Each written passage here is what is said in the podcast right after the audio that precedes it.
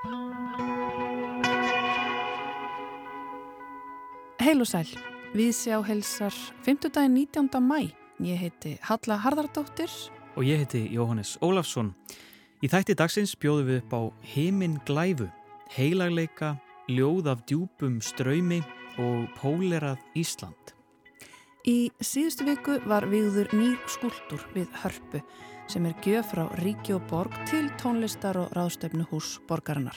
Verki vann hugmyndasamkeppni þegar harpa var enn í byggingu en svo kom hrun og tímin leið og það var ekki fyrir, fyrir tveimur árum síðan að höfundurinn var beðin um að draga hugmyndina fram á nýjan leik. Verkið kallast Himinglæfa og höfundurinn er Elín Hansdóttir. Við ræðum við Elínu hér rétt á eftir. Auðvitað förum við öll í gegnum sama ferlið. Við erum miklu líkari en við þykjumst vera, segir Ferdinand Jónsson sem gaf út sína þriðju ljóðabók á dögunum af djúpum ströymi.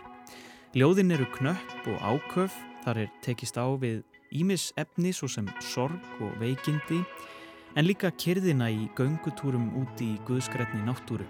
Ferdinand starfar sem geðlagnir í Lundunum, en við opnuðum skilabóðaskjóðu hér í hljóðveri, heyruðum í höfundinum og forvittnuðust aðeins um þessi ljóð og tilur þeirra. Á síningunni Yðkun Praktis sem nú stendur yfir í listval sínir Nína Óskarsdóttir röð nýra skúltúra þar sem hún velti fyrir sér hugmyndum um heilaleika. Hvernig er heimili okkar heilagt og hvaða merkingu hefur heilaleiki fyrir okkur í nútíma samfélagi? Skúltúrana vinnu Nína á steinleir og keramík og hún sækir innblástur í fagurfræði vestræðna trúabræða. Við lítum inn í hátílagt og heimilislegt rými Nínu í listval hér undir lok þáttar. Og Greta Siriður Einarstóttir var að lesa bókina Ísland Pólerað sem er sapn örsagna og ljóða eftir Efu Marcinek, pólskan ritthugund sem búsett er í Reykjavík. Með húmor og kaltæðinni af opni lýsir hún raunveruleika ungrar konu sem flytur til Íslands til þess að hefja nýtt líf á nýju tungumáli. Greta Sigriður rínir í bókina hér á eftir. En við byrjum á nýju útilistaverki. Í síðustu viku var vikt nýtt útilistaverk við hörpu, tónlistar og ráðstöfnuhús borgarnar. Verkið er gjöf frá ríki og borg til hörpu og það heitir Himinglæfa og höfundurinn er Elin Hansdóttir. Elin er stött í Berlín þar sem að hún opnar síningu í kvöld í Kunstlerhaus Betanian þar sem að hún hefur verið með vinnustofu síðastlið ár. Við ringdum í elin í morgun til að heyra af heiminn glæfu og líka til að heyra hvað hún er að bralla í Berlín. Það var eitthvað vesen á símakerfunu í stúdíunum morgun en við náðum saman að lokum. Halló? Halló? Halló? Hvað er að gerast? Oh.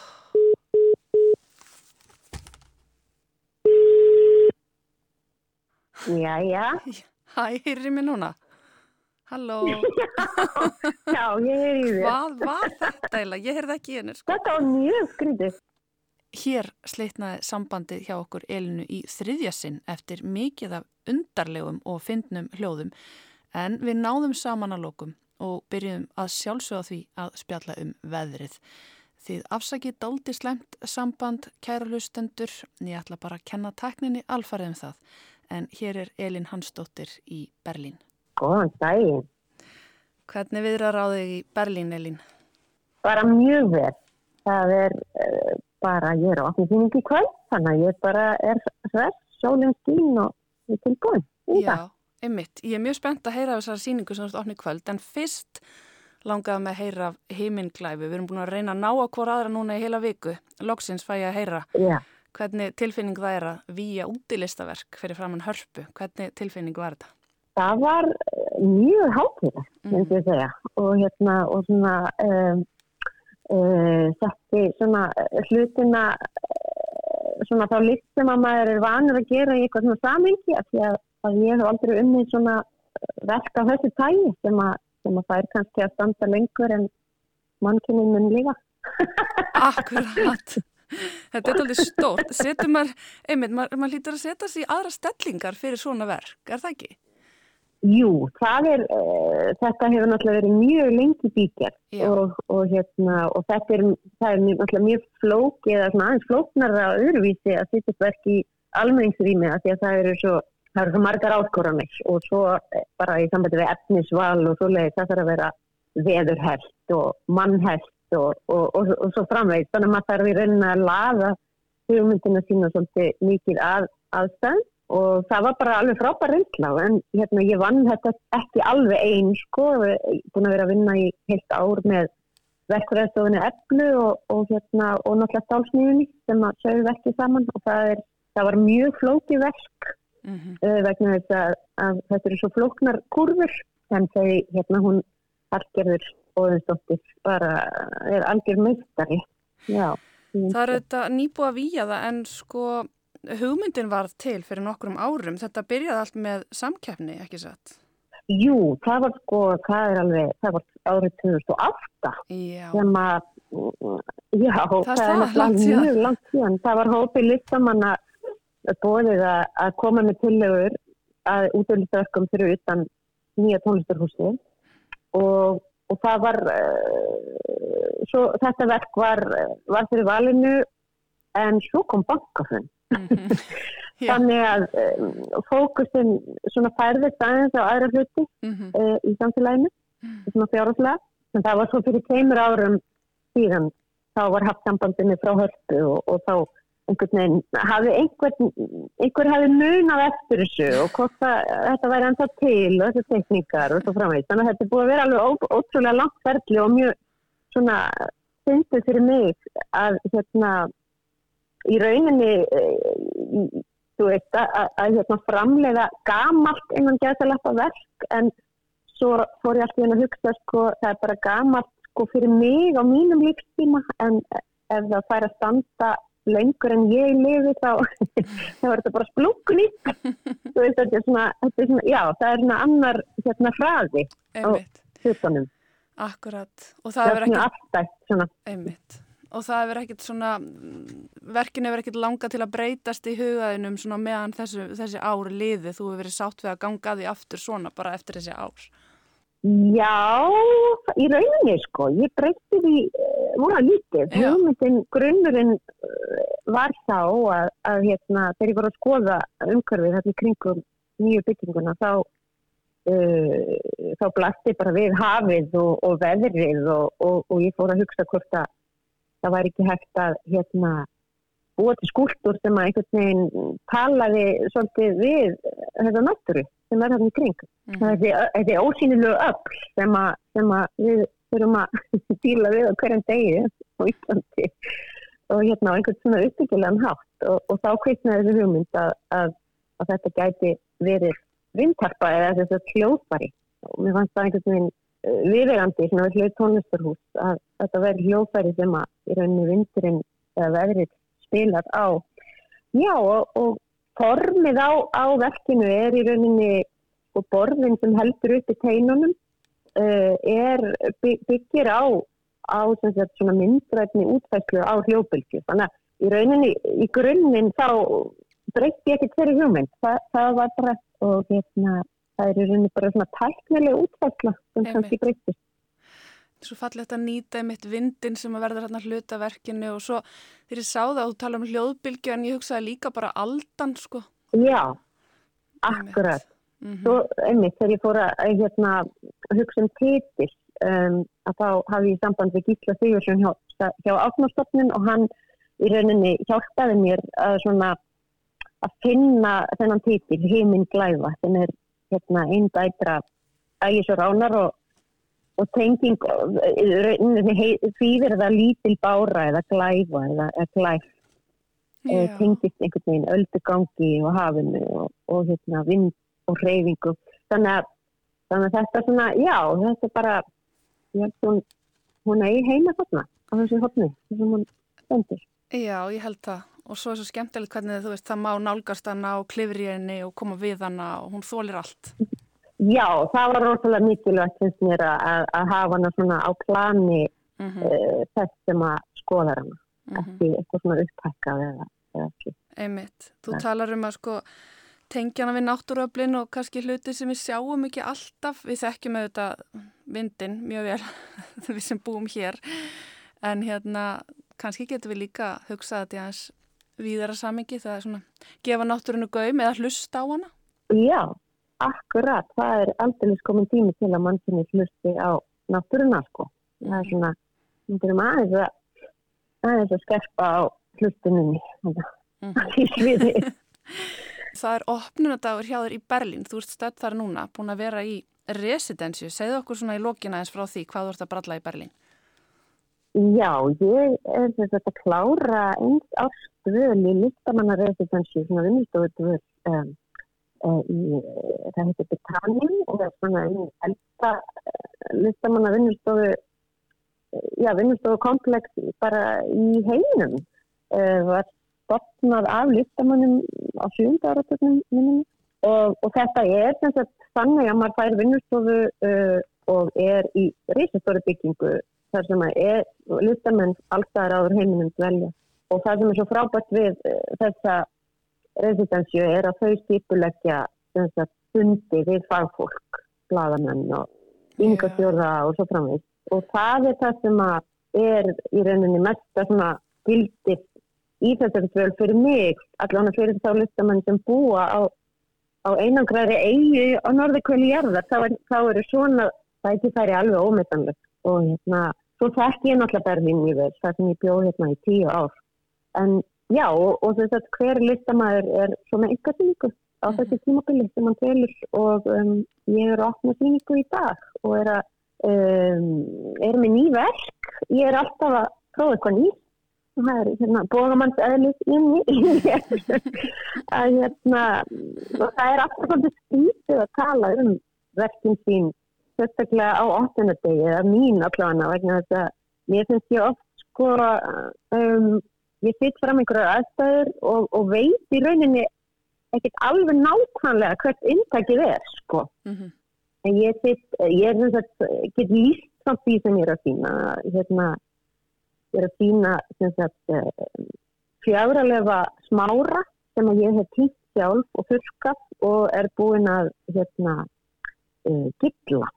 Og um, svo er ég líka að sína hengi, ég er að, ég er að sína uh, ég hannaði munstur sem að byggir á, á svona svona öryggismunstur sem eru nótið geometrist form sem eru nótið á peningasæðlum og og pössum og vegabrjöfum og uh, allskenn svona eins og skýrsteinum og svoleið og þessi mynstur eru notið til þess að koma í vekk fyrir fölsun og ég, þetta eru geometrisk form sem að fyrir þennan klíka í náttúrun og, og hérna mér finnst bara svo áhugavert að þau eru, eru oftast næri alveg óbúslega smá smátt trefti til þess að þú ekki hægt að balsa þessi gögn. En en ég er þetta stakkaðu og, og lætt prenta þau á svona hálfgegstætt efni sem ég hengi inn í rýmur mm, þannig að, þannig að þetta er svona nánast eins og sko gardínur sem eru um ekki gardínur inn í öllu rýminni og, og hérna svo er ég með þetta giltu smára og ljósmyndir.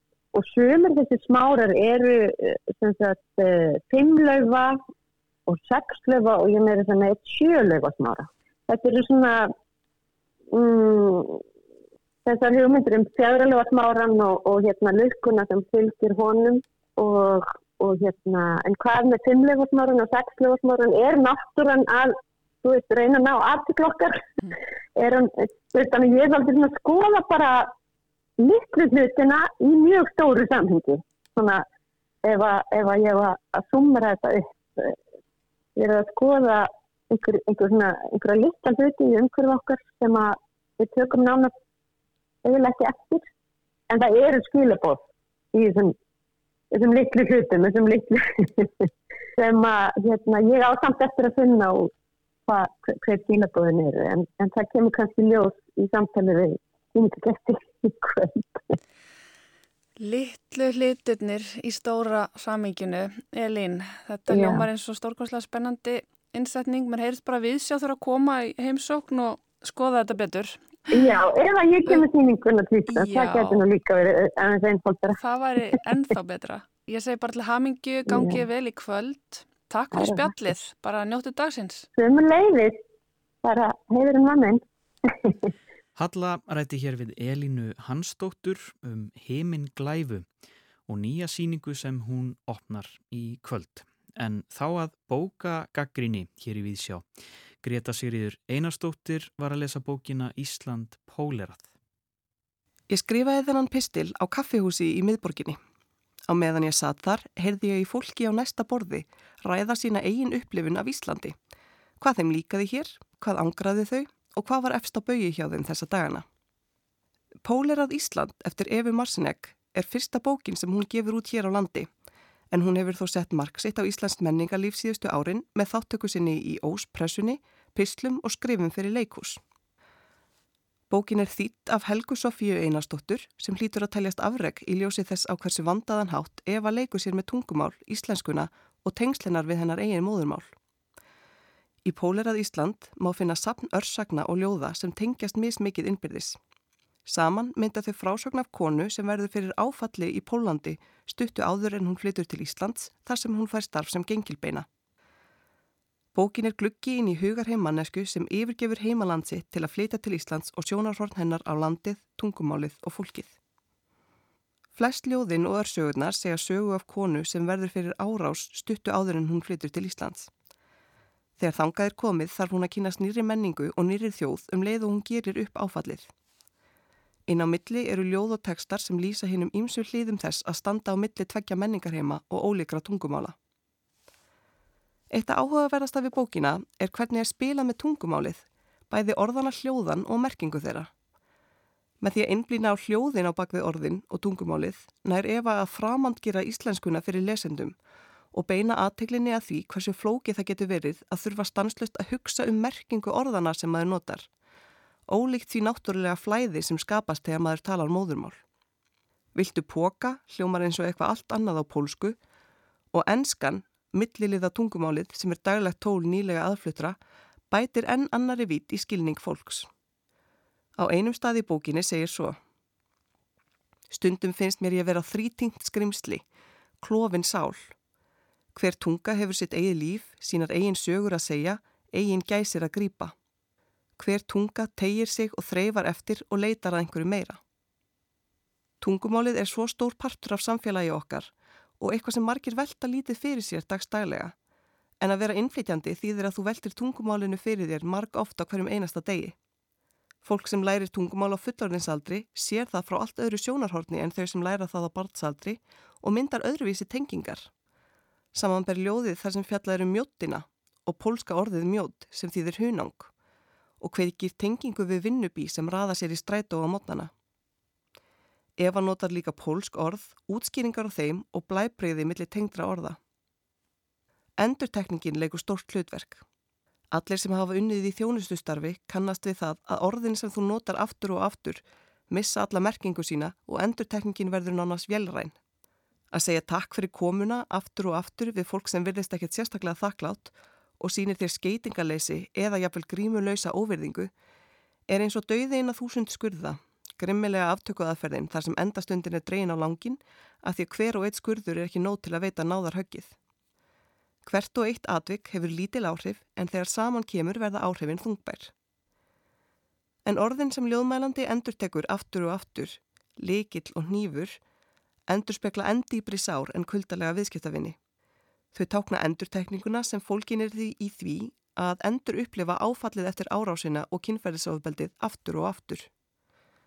Tilhæfilegs árás ráðist á þrjár konur en aðeins einni nöðgað. Afleðingarna rista djúft en ljóðmælandi ber þær einn. Ádeilan á Íslands samfélag skerinn að beini því þessar aðstæður eru svo kunnulegar. Allt fólki sem finnst að vera í lægi að sína aðeins minni kurteysi en þau ættu að gera af því að þeim finnst manneskjan sem þau að samskipti við skipta aðeins minna máli. Flestir tekstana í bókinni eru sagður út frá sjónarhóli hljóðmælanda og hennar lífi. Í sumum þeirra tekur hún sér þó rattir innflytjanda á Íslandi sér í munn og ávarpar Íslandinga. Við elskum störfin sem þið hatið. Við elskum störfin sem þið hatið. Við elskum störfin sem þið hatið. Það er ekki satt.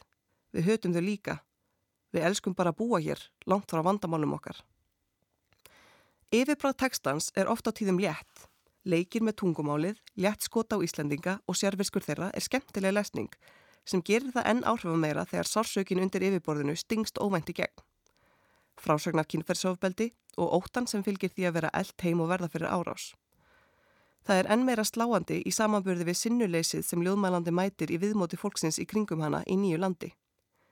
Það er helst í samskiptum við aðra innflytjendur sem hún finnur tengslinn við annað fólk sem hún þráir. Það er auðvelt að týnast í samfélagi þar sem fólk gefur söguðinni ekki gaum. Pólerað Ísland er ákaflega áhugavert verk.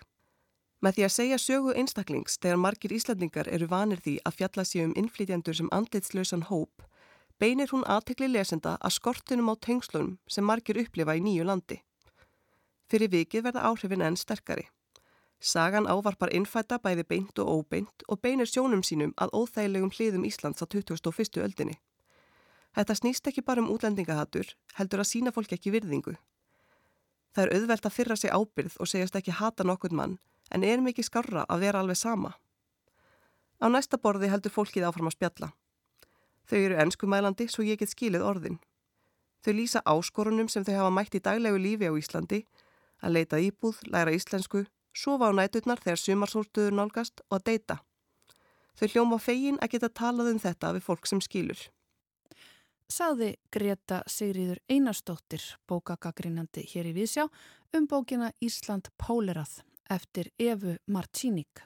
En við heldum áfram í bókmöntunum og uh, hugum nú að nýri ljóðabók af djúpum ströymi eftir Ferdinand Jónsson.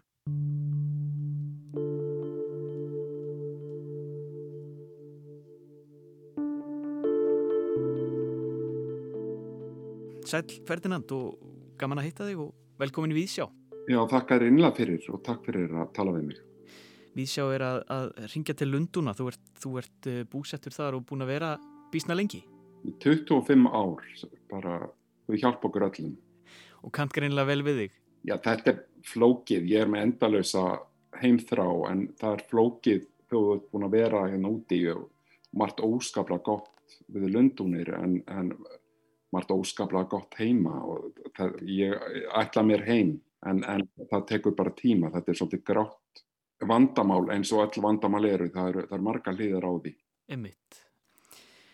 Mér langar bara að demba mér strax í, í þessi ljóð uh, í nýju bókinniðinni af djúpum ströymi sem kom hjá Veröld bara núna á dögunum. Þetta er þriðja bókiðin, eða ekki? Ljóðabókiðin. Uh, þú gafst áður út innsæfi og í út eigum. Uh, segð mér hans frá þessu ljóðum. Hva, er, er þetta búið að vera lengi í, í smíðum? Já, þetta er búið að vera. Ég hérna, yrki mikið í nota ljóð mikið til að raða neyður hugsunum, til að skapa eitthvað jafnvægi, til að gera eitthvað við alls konar hluti. Uh, taka allt litrófið einhvern veginn, bæði góða og slæma og og raða þessu svolítið niður það er, ég hef gert þetta síðan ég var tví, um tvítugt mm.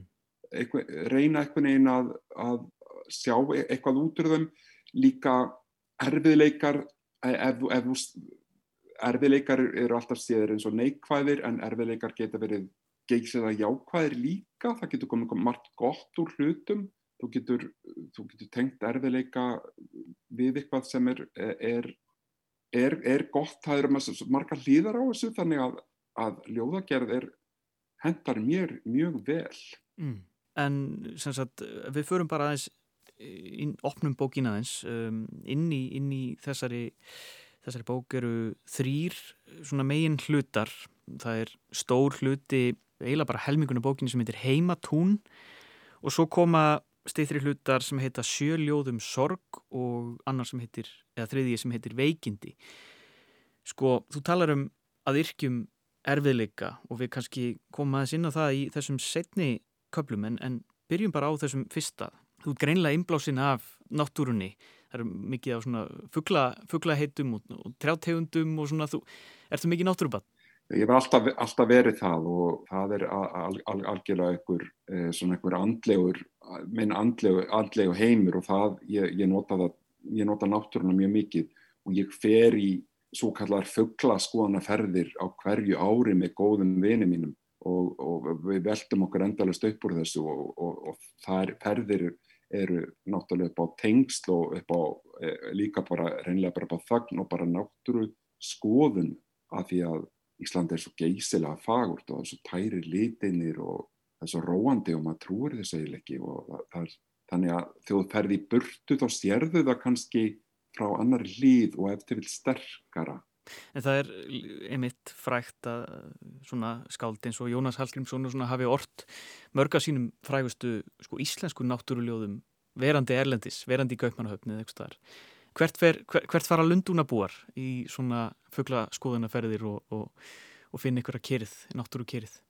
Það er náttúrulega niður við teimsána. Ég er, er heppin að búa nálagt teimsáni og mm. þá getur maður farið í göngutúra. Síðan er breytar eiga það nú að þeir hafa opnað merkileg svæði, þeir eru fyrstir til að búa til svæði fyrir fuggla eins og, eins og það svo kallar Vettlandsender sem er hérna í Barns þar sem þeir búa breyta gamlu uppistöðulóni, vasslóni í, í svæði fyrir fuggla og þá bara mætir liðið alveg í tonnatali. Það er alveg stórkoslegt að sjá hvernig þú getur fengið náttúruna nær þér og það var lundunabúar svo sannlega gert.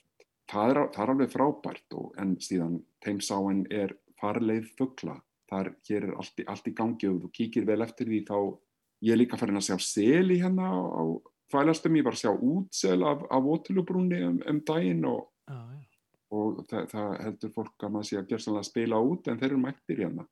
Þannig að það er mikið gert í að reyna að reynsa þetta og auðvitað skiptir þetta svo geysalega miklu máli og enn meira, meira máli þegar þú ert í stórborg mm. að halda þessum djúpu tengslum sem eru svo ofbáslega mikilvæg fyrir okkur upp á okkar einra líf og velíðan að, að, að ná þessum tengslum aftur.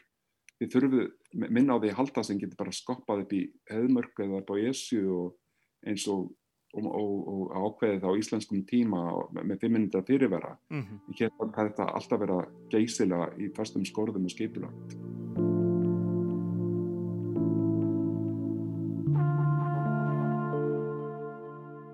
En uh, við höldum áfram í, í um, svona þessum, þessum kaplaskiptingum í bókinni af djúbum ströymi sko það er kannski þessi sorgarkabli og þessi kabli sem heitir veikindi það eru svona ögdimmari ljóð. Uh, það er til dæmis talað um fárveika fólkið mitt og manni verður hugsa svolítið uh, um starf þitt sem geðlæknir, þú ert starfandi geðlæknir í, í, í Brellandi uh, sko þá, þá svona freistast maður til þess að spyrja sko já eru, eru þessi ljóð einhvern veginn koma þau til þín í vinnunni eða í kringum vinnuna eða, eða eru ljóðin koma þau á milli verka? Ég, ég, hérna, ég nýttir að gæðu að búa eins og hálftíma göngu frá minni vinnu og þær göngur geng ég ofta tíðum á teims árbakkanum. Þar fer allt í gang í höstnum á mér, þar veð ég bara áfram og það er ofbáslega gott að ganga og reyfa sig og svo fer fara hlutinir einhvern veginn á stað og koma en, en auðvitað er vinnan mín, hefur hún áhrif inn á þetta og, og, og, og öll þau sterku tengsl og þau sterku tilfinningar sem, sem eru, eru í gangi. En vegna þagnarskildu þá verði ég að passa mig óskaplega mikið að, að, að fara ekki fara ekki úr lánt en auðvitað mm. smitast þetta allt saman inn í. En, en það eru það eru hlutinir eins og í, í, voru lífi manns, voru rætunar og, og, og þetta, allt þetta líka þetta góða sem að, sem að einhvern veginn sapnast saman, en síðan verða e, svo, eins og allir aðrir, þá verð ég fyrir áfællum og, og það, það er, var mér mikið áfall og er mörgum geysilegt áfall að missa foreldra sem hefur verið í mjög góðu samband, samskiptum við og hérna þegar að móði minn andaðist 2016 þá skildi ég ekki upplýði nýður hvaðan hvað var eiginlega að gerast eins og, eins og sorgin er, hún dýnusleiknin á þér. Þó að margur sé í sorg laungu áður en að viðkomandi fer. Þú veist í hvert er að stemna þú byrjar sorgin á okkur um allt þar um stað. En svo verður hún mjög sterk og, og hérna flæðandi. Og ég var uh, geysilega uh, ég miður mín bara reynlega yfir þessu allir saman einn góð vinkona mín hún, sem er hérna kollegi minn heima, hún gerði gröndal var að, að texta mér og votta mér samúð og, og var að segja við mig, gríftu kannski eitthvað af þessum öldum? Og ég hugsaði mig, já, kannski ger ég eitthvað af þessu, eitthvað af þessum, af þessu, öllu þessu flæði sem að fylgir, sem er svo mannlest, sem er svo manneskilag. Hvernig er það, var það fyrir mig, hvernig, og auðvitað erum við, förum við öll meira að minna í gegnum sama ferlið, við erum miklu, miklu líkari heldur en við þykjumst vera.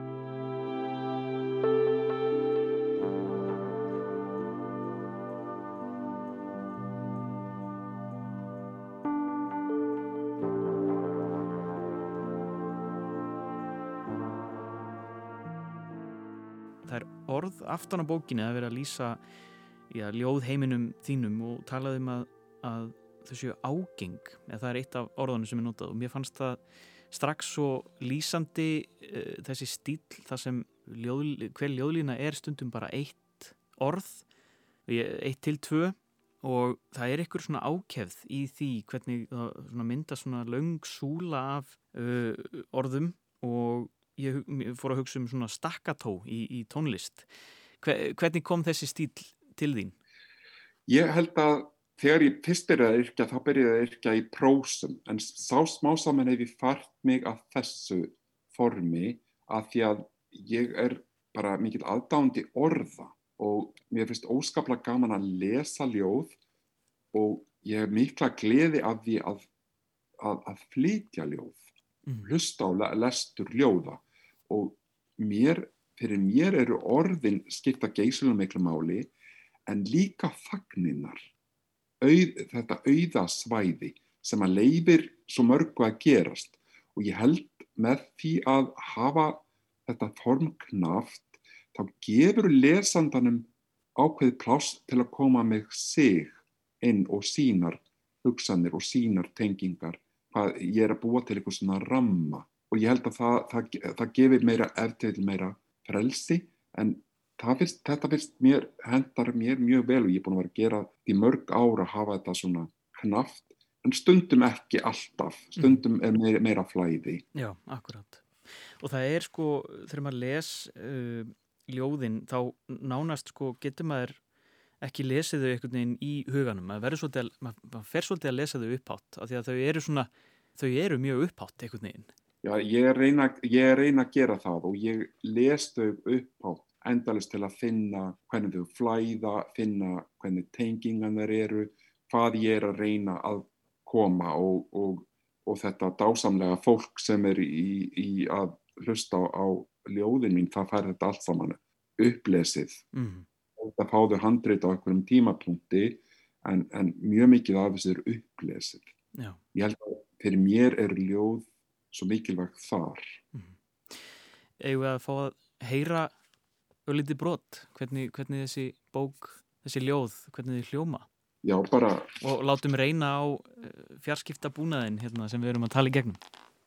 Ég var að hugsa maður um að ég er að, að því að London is calling núna, þá var ég að hugsa að koma með eitt frá London og það heitir Heit nútímans Fívill við vegg, musterið mikla, byrki trjágöng, best fyrir heilsu, listasafn nútímans.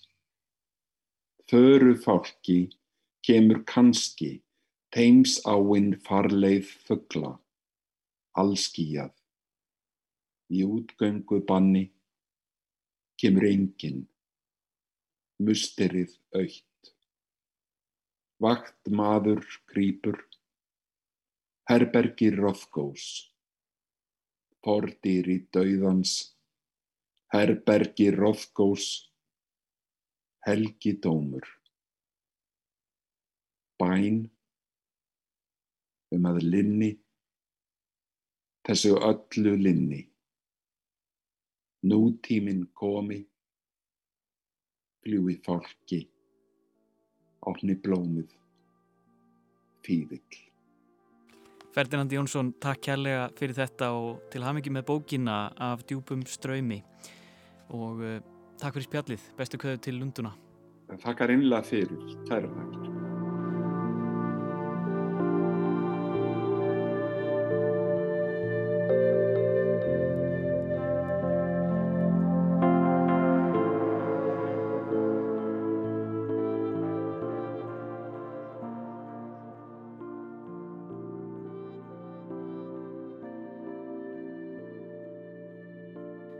Ferdinand Jónsson frá Lundunum, ljóðskáld í Lundunum, sað okkur frá nýri bóksinni af djúpum ströymi. En við ætlum að fara næst út á Granda. Leggið nú vel við hlustir.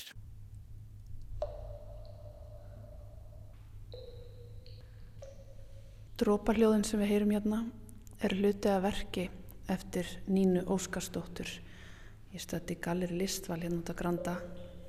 Nína er að velta fyrir sér einhverjum hlutum hérna, einhverjum stóru spurningum. Við ætlum að ræða þær.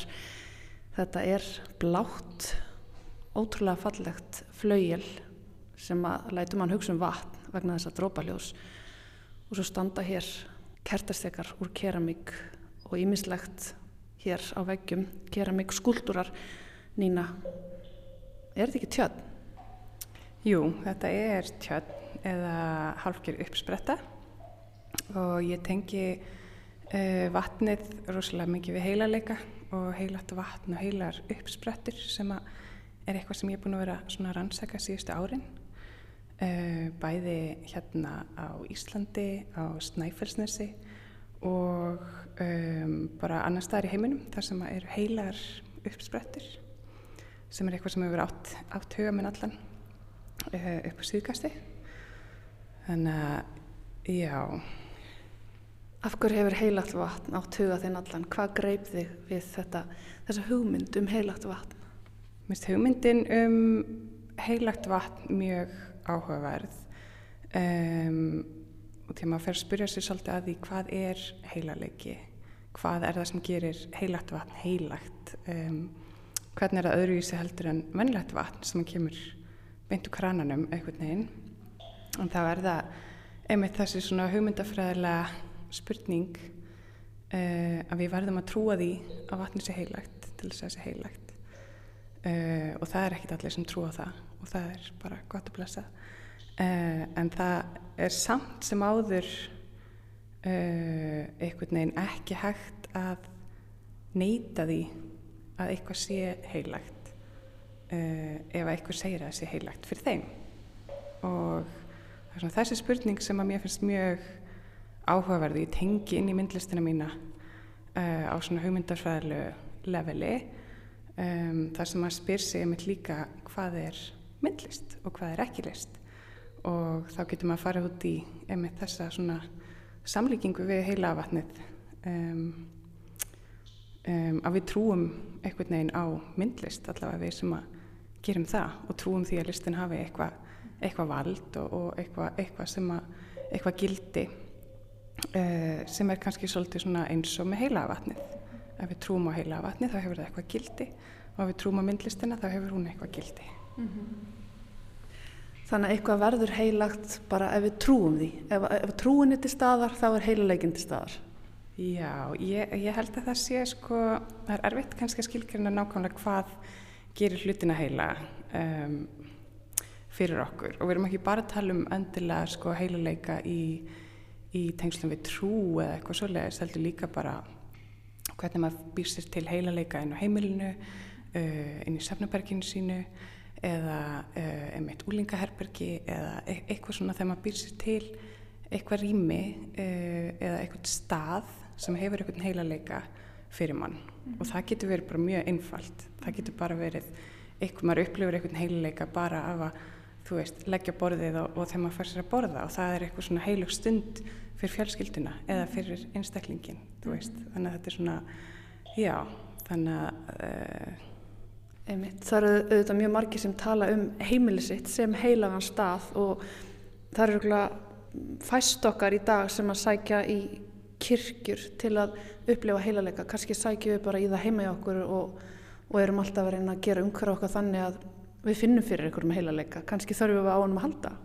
Já, ég held það, ég held að um, svona ég hef verið að velta fyrir mér einmitt meira og meira svona einmitt þessari trú og hverju við höfum þörf á sem bara manneskjur einhvern veginn í samfélaginu líka og, og ég held að trúin byrtist okkur og heilaleikin í alls konar byrtingamyndum það getur líka verið bara að fara í rættina eða að fara í saumaklubin eða þú veist, hvað sem er, hvað sem maður sækir í sem að er um, eitthvað sem er mikilvægt fyrir mann og eitthvað sem að við byrjum virðingu fyrir og eitthvað sem við viljum yfka.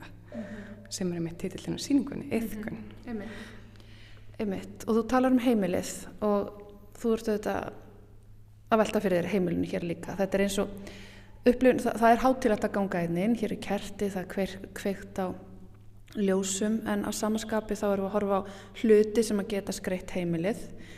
Ég hugsa líka, ok, landamæri myndlistar og hönnunar að því að við erum kannski stödd á hönnunamass þá kemur það til hugar. En þú hefur auðvitað verið að vinna með heimilega áður og þessi heilögur rými þú hefur verið að vinna með unglingaherbyggið en núna ertu komin út fyrir unglingaherbyggið og kannski inn í ykkur að fína stofu eða ég veit það ekki. Já, já það mætti alveg segja það. Ég er svona búin að vera að leika mér með einmitt sko kannski fagfræðina í, sem að finnur bæði á heimilum og í kirkjum. Og fagfræðilega er það eitthvað sem að mér finnst mjög svona áhugavert að skoða þau rými, sérstaklega þegar maður fer og ferðast um Evrópu og skoðar katholskar kirkjur og það er einhvern veginn svo ótrúlega mikið af öllu, mikið af skrauti og mikið af stittum og það eru málverk og allt aðstöflur og, og, hérna, og það verður svona mjög einhvern veginn uh, skrautlegt umhverfi einhvern veginn og um, sem að tengist svo aftur bara yfir í uh, myndlistina. Um, hvernig hún einhvern veginn kemur fyrir sjónir um, það er einhvern veginn í galleri til dæmis eins og hérna uh, að þá er mjög auðvelt að gera tengingu við kirkuna um, og við erum að leika okkur með þá hluti sem að eiga upprunnsinn í vestrænu kirkjunni um, eins og bara málverk og stittur og skúldurar og allt sem var náttúrulega bara uh, komissjonað af kirkjunni mm. og það var það sem gerði listamannum kleifta að hérna yfka sínalist var að hérna fá greitt frá kirkjunni og svo var kannski fólk að vinna eitthvað annað on the side mm. um, þannig að það er svona rosa sterk tenging sko held ég við bara samtíma samtíma myndlistina og uh, sem að er skemmtilegt að velta fyrir sér þótt að við náttúrulega gerum ekki þessa tengingu kannski við kirkju í hvert einn skiptur sem göngum inn í myndlistasýningu en hérna, en hérna er hún mjög sterk og hún á að vera það.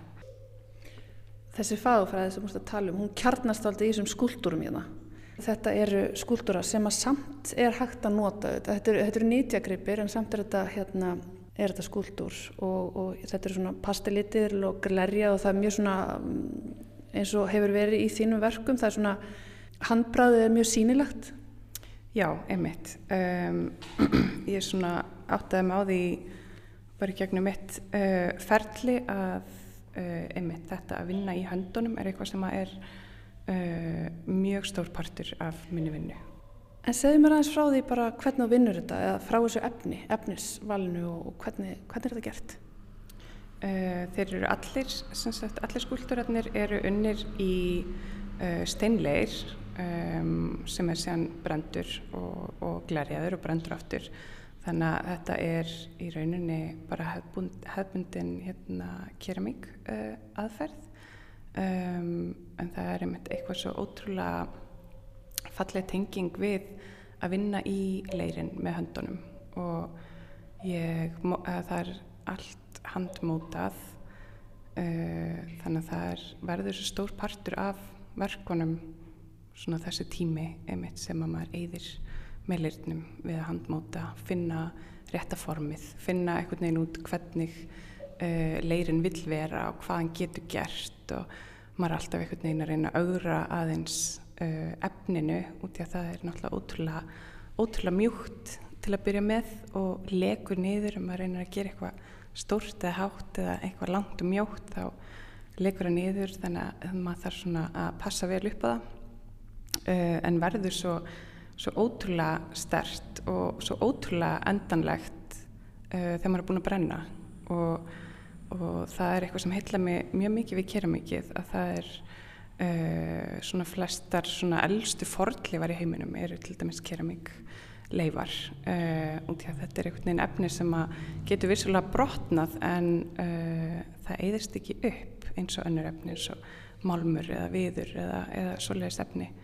Uh, þannig að hann er mjög endanlegur.